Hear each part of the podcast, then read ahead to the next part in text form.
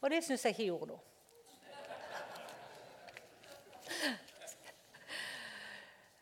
Jeg syns det har vært en flott serie, og det er egentlig, egentlig en veldig viktig tid der vi på en måte virkelig fundamenterer oss i Guds ord.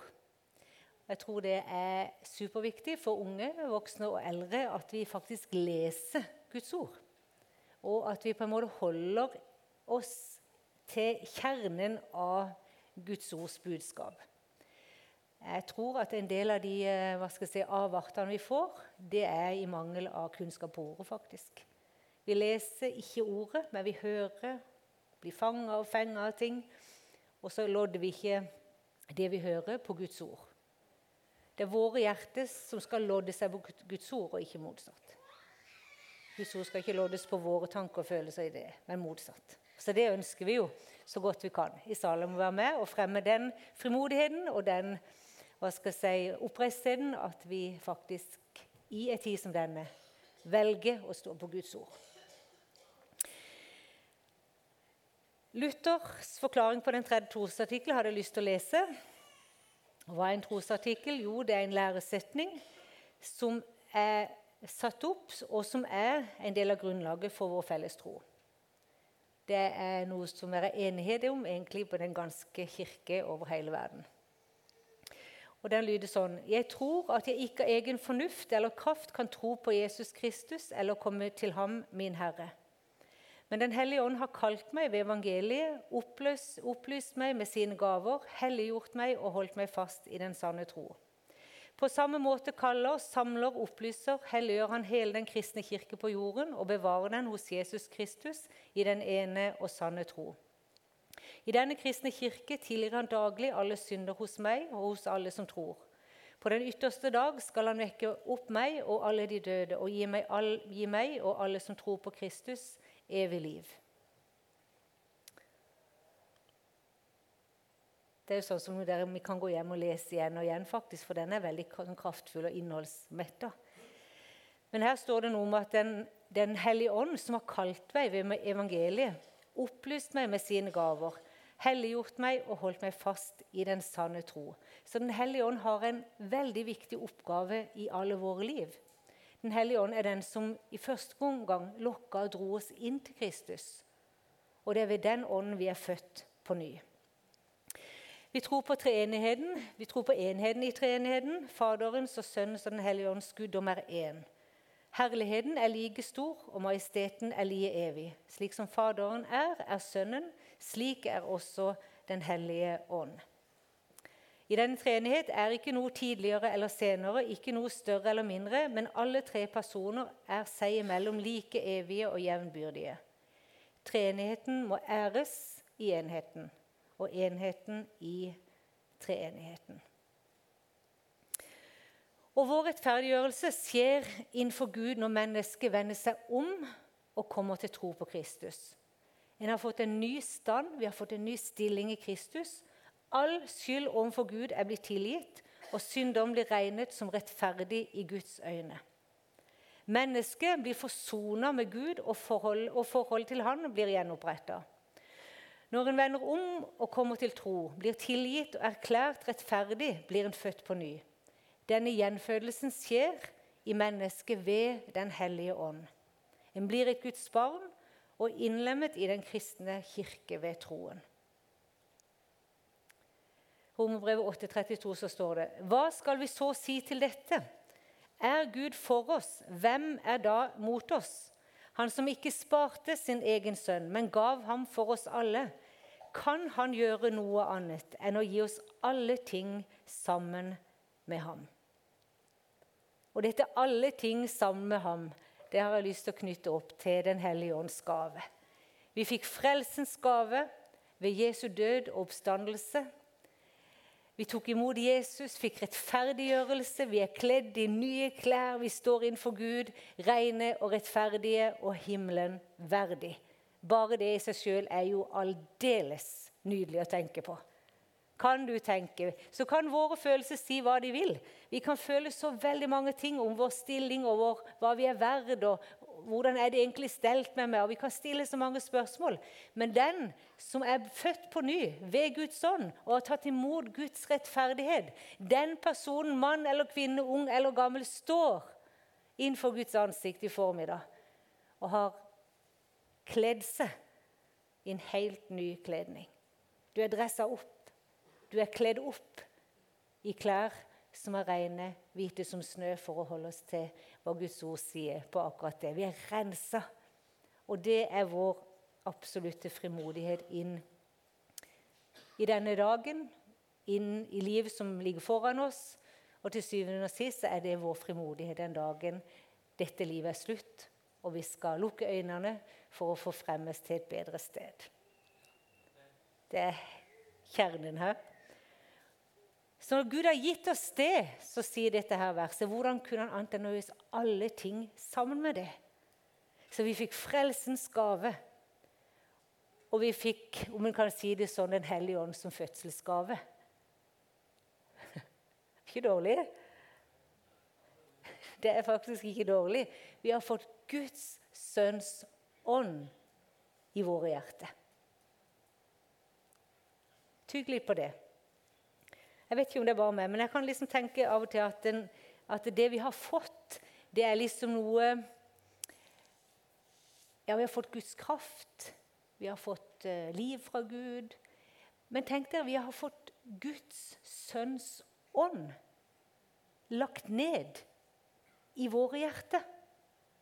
Som gave, som en pant, som noe som har merka oss for evigheten. Vi har fått Den hellige ånd som pant på vår arv. Den ligger innen i oss. Guds sønns ånd, Faderens ånd, har tatt bolig i mitt og ditt hjerte. Og jeg kjenner liksom, jeg forberedte Ikke at jeg ikke har tenkt på det før, og jeg har vært opptatt av heltrenheten. Men når jeg skulle liksom gå inn litt dypere igjen i dette, så tenker jeg Gud får et potensial i hver enkelt person. Når Guds levende ånd har tatt bolig i den enkelte med han selv. Han sier jo i Johannes òg at eh, jeg skal komme til Altså, frykt ikke. Vær ikke redde. Fortvil ikke. Det er godt for dere at jeg drar bort. Hvorfor det? Jo, for han skal sende talsmannen. Han skal sende Den hellige ånd. Og så sier han 'Jeg kommer til dere'. Så det er Jesus som kommer til oss i åndsdåpen, i åndsfylden. Det er jeg, sier han, som kommer til dere. Da skal dere skjønne at jeg er i Faderen, Faderen er i meg, og jeg er i dere. Det er veldig kraftfullt. Det er veldig sterkt, og det er liksom potensialet til å se kongeriket, Guds rike, eh, erkjennbart. Hans nærvær, manifestert, virkeliggjort midt iblant oss, er jo ikke langt unna, for å si det sånn. Hvorfor det? Jo, for Guds rike er inni oss. Den hellige ånd bor i oss. Den hellige ånd bor i den kristne kirke på jord. Og Der står det faktisk at dødsrike porter skal ikke få makt over dem. Halleluja. Det er jeg glad for for Salem òg, at dødsrike porter skal ikke få makt over Salem. Og heller ikke resten av Guds menighet i denne byen eller i dette landet. Fordi at eh, vi har en Herre, og det er Jesus Kristus. Og Den hellige ånd, han bor i sin menighet. Matteus 16, 18 f.eks., eller Matteus 28, 20. Den hellige ånd er knytta til den kristne dåp. For med én ånd ble vi alle døpt til å være ett legeme. Den hellige ånd knyttes til nattverden. Vi fikk alle én ånd å drikke. Den hellige ånd er selvfølgelig også knytta opp til Guds ord. Det ord jeg har talt til dere, er ånd og liv. Johannes 63. Åndens sverd er Guds ord. Derfor så alt vi lærer, alt vi opplever, som jeg sa i stad, skal loddes på dette ordet. Det skal være trygt, det skal være sunt, men det skal være kraftig og sterkt. Hvorfor det? Jo, fordi at Ånden er virksom og virker kraftig. Gjennom ordet, i nattverden, når vi kommer sammen. Inni oss, fordi han har tatt bolig her inne.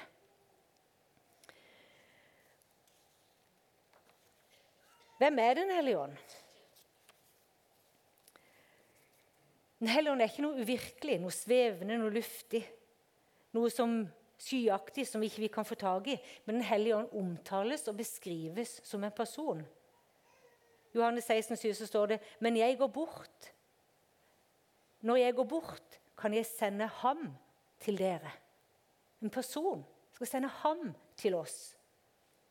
Det står om Det hellige ånd at han utforsker alle ting i 1. Korinterbrev 2,10. Det står at han taler, han lærer, han overbeviser, han beslutter, han vitner, han ber, han elsker. Han virker til nådegave. Han virker kraftig i gjerninger. Den hellige ånd opprettholder og fornyer skaperverket. Ånden er Guds redskap for å føre oss til tro og gi oss kraft til det gode. Ånden viser oss hvem Jesus er. Ånden blir beskrevet på flere måter i Bibelen. Ånden er Jesu ånd. Ånden er talsmannen som viser oss hvem Gud er, og hvem vi selv er. Ånden er livgiveren og fornyeren. Vi hadde ikke sittet her, noen av oss, hvis det ikke var for at Den hellige ånd hadde vist oss og gjort ordet levende for oss. Om ikke det var for at Den hellige ånd hadde lagt på hjertene våre til omvendelse og lengsel etter å få fred med Gud. Vi hadde ikke vært der. Ikke én, står det i Guds ord, som søker Gud. Ikke én sjel søker Gud av seg sjøl. Vi er fortapt og forderva uten Gud og uten håp. Om ikke det var for hans utdrakte hender. Om ikke det var for at Guds ånd hvilte og etterjage, forfølge positivt mennesket for om mulig vise de og hvem Jesus er. Derfor trenger vi ikke å være redd for Den hellige ånd. Det er merkelig hvor mye redsel det har vært for Den hellige ånd. Han er en del av treenigheten. Faderen gjør ikke noe uten at Sønnen og Ånden vet det. Ånden gjør ikke noe uten å være totalt synkronisert med Faderen og Sønnen. Det er total enhet. Det er total samkjørethet. Så vi trenger å både forkynne og be til Gud om oppløste øyne, så vi kan se hvordan styrken i treenigheten er. Det er klart Fienden vil ødelegge det og splitte det opp og gjøre det vanskelig og gjøre det komplisert. Akkurat som med ekteskapet. Ikke noe fullgodt uh, eksempel. Men hva tror dere Gud tenkte med mann og kvinne i, i Edens hage? De skulle være et avbilde av Gud. De skulle begge to demonstrere hvem Faderen er. Ikke sant? De skulle på hver sine måter, på underfullt vis, vise de andre rundt seg barna de fikk. Og verden for øvrig som skulle vise sånn ser han ut. Hva var det fienden gjorde? Jo, Han kom inn og splitta det. Så det er blitt et mareritt.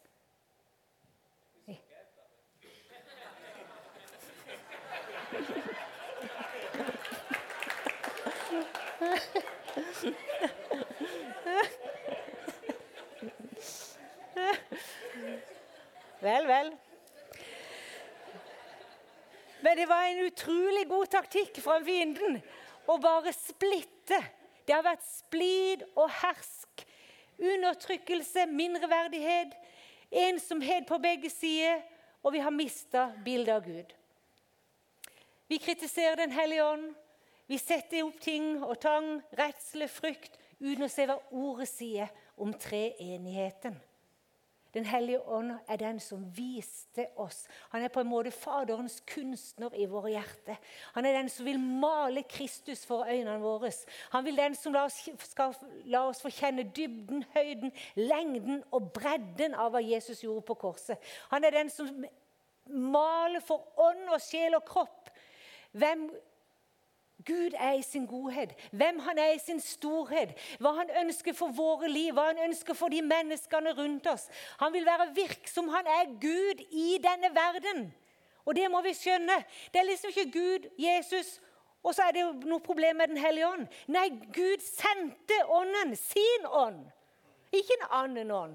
Ikke noe som var på sida, som satt på venstre eller høyre side. Nei, han sendte sin Hellige Ånd til jorda for å vise hvem han var.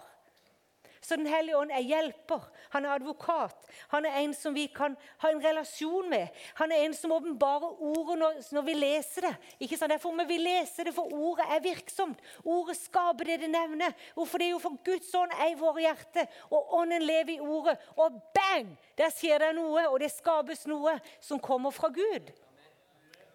Så vi tror Jeg syns det er fine setninger der. Ja, vi tror på Den hellige ånd. Vi vil skryte av Den hellige ånd. Vi vil ønske Den hellige ånd velkommen i Salem.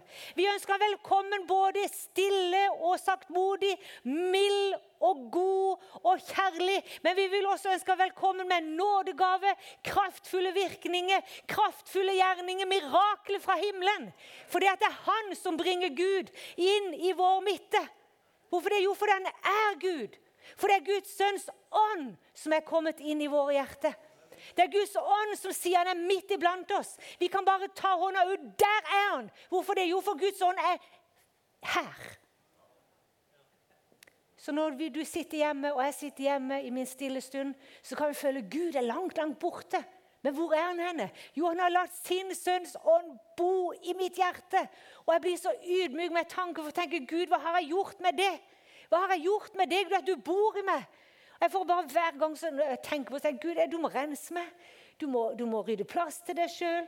Jesus, du må få mer plass, for hva er det som skjer? Du bor i meg med din ånd. Gud i himmelen, jeg ønsker å se mer av ditt liv. Jeg ønsker å se mer av din kjærlighet, din godhet, din nåde, dine kraftfulle gjerninger. Gud, jeg vil se det i Salem, fordi det er jo flere hundre mennesker her som bærer åndens liv. Og vi trenger å rope til Gud om at han skal gjeste oss med et himmelsk vær, altså. Med en tyngde av Guds nærvær. Det er så utrolig gøy å høre noe nede fra Joakim Lundqvist. Livets ord. De har jo gått gjennom utrolig mye vanskeligheter i mange år. Så kom Les den just og hører rapporter. Så sier Joakim Lundqvist, etter alle disse årene hvor de har virkelig fått prøvd seg på mange, mange områder så sier han det jeg skriver. Det var i februar i år. Altså, Nydelig Skandinavia. Det er fint i Korea, Asia, Afrika, alt. De elsker jo det men det er så deilig. Det er jo rett over fjorden. Det er jo så fint. Så står det det var i februar at bibelskoleklassen fikk den noe uvanlige timen, som ble dokumentert i en artikkel fra Verden i dag. Ifølge pastoren har det, har det de karakteriserer som en åndelig vårvind ikke sluttet å blåse. Tvert imot, den har økt i styrke, sier han. Og Så sier han dette er noe av det mest mettende og makeløse jeg har vært med på, sier han og forsøker å beskrive det menigheten er med på. Det handler om et sterkt nærvær av Gud, men også at mennesker blir døpt i Den hellige ånd. Ikke langsomt, men i en gave der og da, på sekundet. Vi har også fått se noen spektakulære helbredelser finne sted. Knivskarpe profetier er uttalt, og sterke manifestasjoner av Guds ånd i menneskers liv. Som et eksempel så forteller han om en bibelskoleelev som etter et særlig sterkt møte fikk nød for en person med en tøff virussykdom. Legen hadde gitt fem, denne personen 50 sjanse til å overleve. I det beste scenarioet hadde personen, om hun overlevde, hatt behov for pleie i ett og et halvt år framover. Vår elev fikk be for personen, og for noen dager siden fikk vi beskjed om at viruset var helt borte. Personen kom hjem forrige uke og var helt frisk, sier Lundqvist. Vi ser hvordan ungdommer, unge voksne og eldre får en helt ny kjærlighet til Jesus. Det gjelder både de som er nye i troen, og de som har gått med ham i mange tiår. Å stå og se dette skje er så vakkert, sier Lundqvist, som ikke kan forklare dette med noe annet enn en genuin vekkelsesbølge av Den hellige ånd. Han er åpenbart berørt av det han forteller om. Det som har skjedd, har gått rett gjennom alle ledd. Og alt som skjer i vår virksomhet, det er en fantastisk visitt. Han forteller om at de skal ha menighetsmøte. De åpner menighetsmøte med bønn. Og de får ikke gjort noe, for gudsnærværet senker seg i forsamlingen. Det er en vårvind fra himmelen. Det er pinsedag på nytt. Det er pinseild som setter seg på hjertene, på hodene, til noen enkle studenter som går på bibelskolen, som nå er i ferd med å revolusjonere menighetslivet. Som er i ferd med å sende kanskje hundrevis av unge og voksne og eldre mennesker ut til sine nabolag, ut til nasjonene. Hvorfor? Jo, fordi at Den hellige ånd har fått lov til å komme. Og du kan lese Når han skriver dette i dag, og så hører du hvordan han sier vi kan ikke røre ved dette. Vi må bare vokte oss for å ikke stoppe opp, sier han. Vi må bare ta imot det som nå kommer. Og vi ber om at det bare må fortsette. Vi bare ber om at Den hellige ånd må få ha rom, ha tid, ha plass. Bevege oss, utruste oss. med liv fra himmelen. Og det er jo det Den hellige ånds oppgave er. Det er overbevist om synd, om rettferdighet, om dom. Det er å skape åndens frukt i våre liv. Det er å utruste oss med åndens gave, så det som er større enn oss sjøl, kan skje. Jeg satt og tenkte på det, og jeg bedt til Gud noen dager og sagt Gud, om jeg ga deg det som måtte være det beste, sterkeste, mest OK liksom av livet mitt, så vil det ikke, det vil ikke strekke til noe sted. Om ikke det var for at du kommer, Herre Jesus, med din hellige ånd over livet og over det vi holder på med i Salem, og hvor vi enn holder på med. Hva er det verd, liksom? Vi vil jo ha det som på en måte er prega Livet vårt er på en måte gjennomtrungen av liv fra Gud. Jeg tror, jeg skjønner ikke annet. Jeg har den tro til hver enkelt av dere som sitter der, at vi lengter etter enda mer genuine, nydelige samvær. Hvor Helligånden du kan ikke, du kan, Det går ikke an å si at ikke han har vært der. For vi har merka dette nærværet av Gud som bare kommer og senker seg og helbreder og setter fri og fører syndere til fred. Fører ufrelste til frelse. Fantastisk en historie nå, just nå her om dagen fra Pitogira, fra der som eh, Øystein og Kristine jobber. Himalaya-fjellet sammen med Dag og Lone og um, et par andre da, som fortalte om en gutt. Kristine. Det var fantastisk. For de har, de har, jo vært der, og jeg fortalte før, og det rører meg like mye hver gang. De har vært der i 24 år og bedt om at de skal se Himalaya-folket prise Gud innenfor Guds tron en dag. Det var et unødt folkeslag. De reiste opp der i 93. De har bedt. De har hatt en ørten bønnevandring oppe i fjellet der. Og proklamert Herre, tonen fra dette folket de tonen fra dette folket skal inn for din, Guds, inn for din tron en dag. To år siden så begynte det. Én frelst, to frelst. Hvor mange er der? 40-50 kanskje nå? Noe sånt. Men der var det iallfall ei av de unge indierne som sjøl hadde vært suicidal. Som fikk ta imot Jesus Kristus som sin herre og frelser. Så møtte hun en annen ung gutt her om dagen. Just nå møtte hun en annen ung gutt som hun skjønte denne gutten er suicidal. Han ville ikke leve lenger. Han hadde det vanskelig. Tok hun han med seg på møte. Og under dette møtet, langt oppe i Himalaya-fjellene Små i troen, holdt jeg på å si, eller unge i troen. De er store i troen, men de er veldig unge i troen på Jesus. Så sitter de der og ber. Og så ser de bare plutselig denne unge gutten ligge på gulvet. Guds kraft kommer over han. Så kraftig og de bare hører han begynne å bekjenne synd. Han er ikke frelst, han er hindu. Høykastet hindu. Han ligger og bare kommer inn under Guds lys med livet sitt. Den hellige ånd kommer over han og overbeviser han om synd. Så han ligger der og roper om frelse, denne unge mannen. Og Etter hvert så tar han mot Jesus og blir døpt i Den hellige ånd og taler i nye tunge. Og han er en ny gutt. Folkens, det er liv fra himmelen. Det er jo veldig sterkt. Men trenger, vi, vi, trenger jo Vi har sykdom, vi har nød. Vi har barn vi lengter etter skal bli frelst. ikke sant? Barnebarn vi lengter etter skal bli frelst. Vi bare kjenner Når noen kommer og forteller meg har den og den sykdom, så sier jeg 'Jesus'. Ikke sant? For Gud sendte sin sønns ånd til jorden for at mennesket skulle møte han. Mennesket skulle kjenne han. Mennesket skulle erfare han.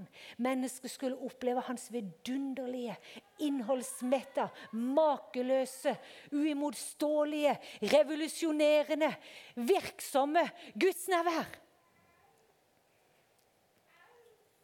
Folk trenger ikke så mye mer ord, men vi trenger å kjenne at Den hellige ånd er virksom i våre liv. Den hellige ånd var med i skapelsen.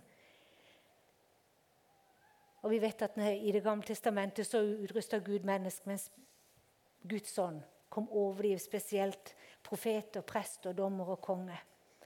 Vi leser Joel om pinsedagen, om løftet om, om, eh, om, at Guds ånd skulle utgytes. Oppfylles på pinsedag. Og etter Jesus sted for treden lidelse og død utøser Gud sin ånd over alle mennesker uansett status, uansett ytre forhold, og gir de samfunn med seg gjennom det som Jesus har gjort. Hva annet gjør Den hellige ånd? Han gjør levende. Han er aktivt handlende og formidler. Han viser hva som er synd, rett og dom, ja. Det er ingen tilfeldig rekkefølge. Åndens oppgave er å forherlige Kristus. Forherlige betyr å få lys til å skinne.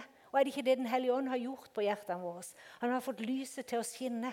Og han vil lyse igjen og igjen og igjen og igjen. Og jeg tenker, jeg ble Første gang jeg opplevde det som jeg vil kalle en åndsdåbel, en åndsfylde. Det var i hvert fall veldig den som revolusjonerte livet mitt. Jeg hadde absolutt hatt noen møtepunkt før. Men der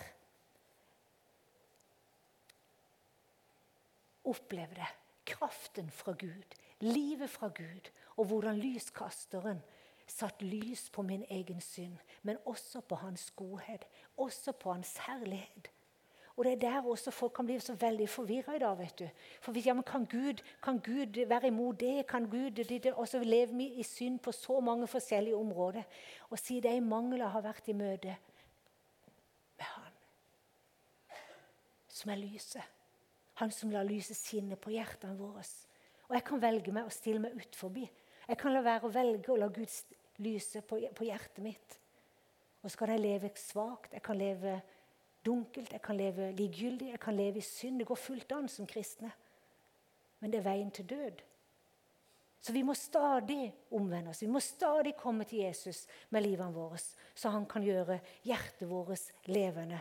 For første gang, for andre gang, for hundrede gang. Men vi trenger å være i dette lyset fra vår himmelske Gud. For det er det Ånden vil at vi skal gjøre. Han vil utruste oss. Han er hjelperen vår, han er talsmannen vår. Han blir hos oss for alltid. Han er trøster, hjelper. Han bevarer oss i troen på Kristus. Han utruster oss til tjeneste. Og det er jo også noe som vi virkelig lengter etter i vår sammenheng. Og det skjer mye. I går møtte jeg en ung gutt, eller en mann, vil jeg si. Han måtte bare så sa han, 'Jobber du her?' sa han. Så sa jeg ja. Jeg må bare si til deg, sånn, For syv år siden så ble jeg frelst her. Så jeg måtte bare si det. Og så fortalte han om to andre unge menn som hadde fulgt han opp. Så vi har sånne vitnesbyrd. Vi har vitnesbyrd som er mye ferskere enn det. Vi har mye spesielt som skjer i kveldsmøtet, hvor Gud griper inn og gjør mirakler. Hvor han utruster, hvor han setter i brann. Og vi har det i gudstjenestelivet.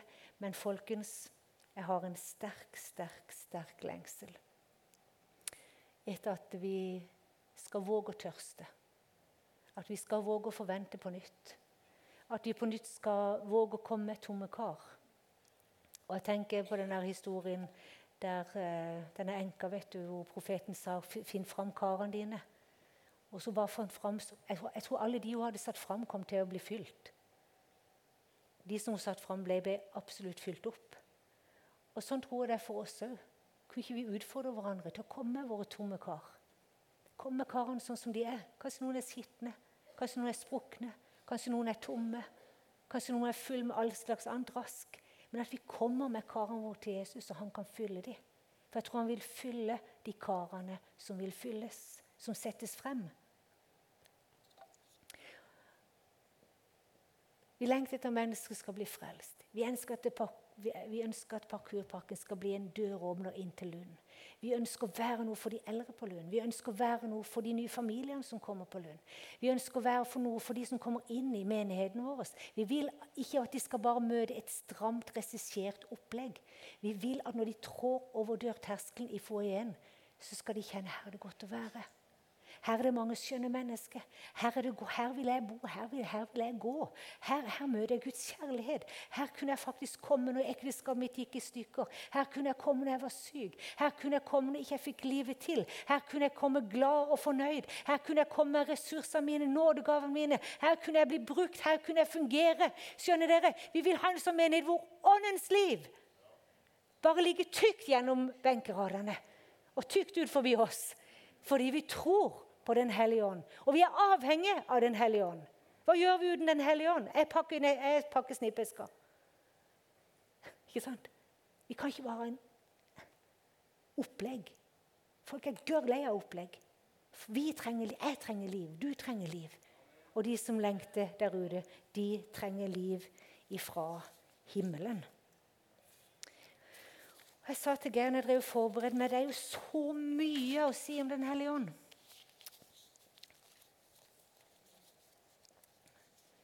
Så det kan vi ta en bibelskole på. Jesaja 55, 55,1. Nå vel, alle dere som tørster, kom til vannene. Og dere som ingen penger har, kom, kjøp og et. Ja, kom, kjøp uten penger, uten betaling, vin og melk. Jesajas 44, 44,3. For jeg vil øse vann over det tørste og strømmer over det tørre. Jeg vil utgyte min ånd over din ett og mine velsignelser over din etterslekt. Jeg har lyst til at vi kunne ha Jeg spurt om vi kan spille en sang bare på CD eller på Spotify. Kunne ikke ha bedt og så med forventning til at Gud skal røre ved oss i formiddag. Sikkert noen flere enn meg som godt kunne tenke seg å bli fylt opp på nytt.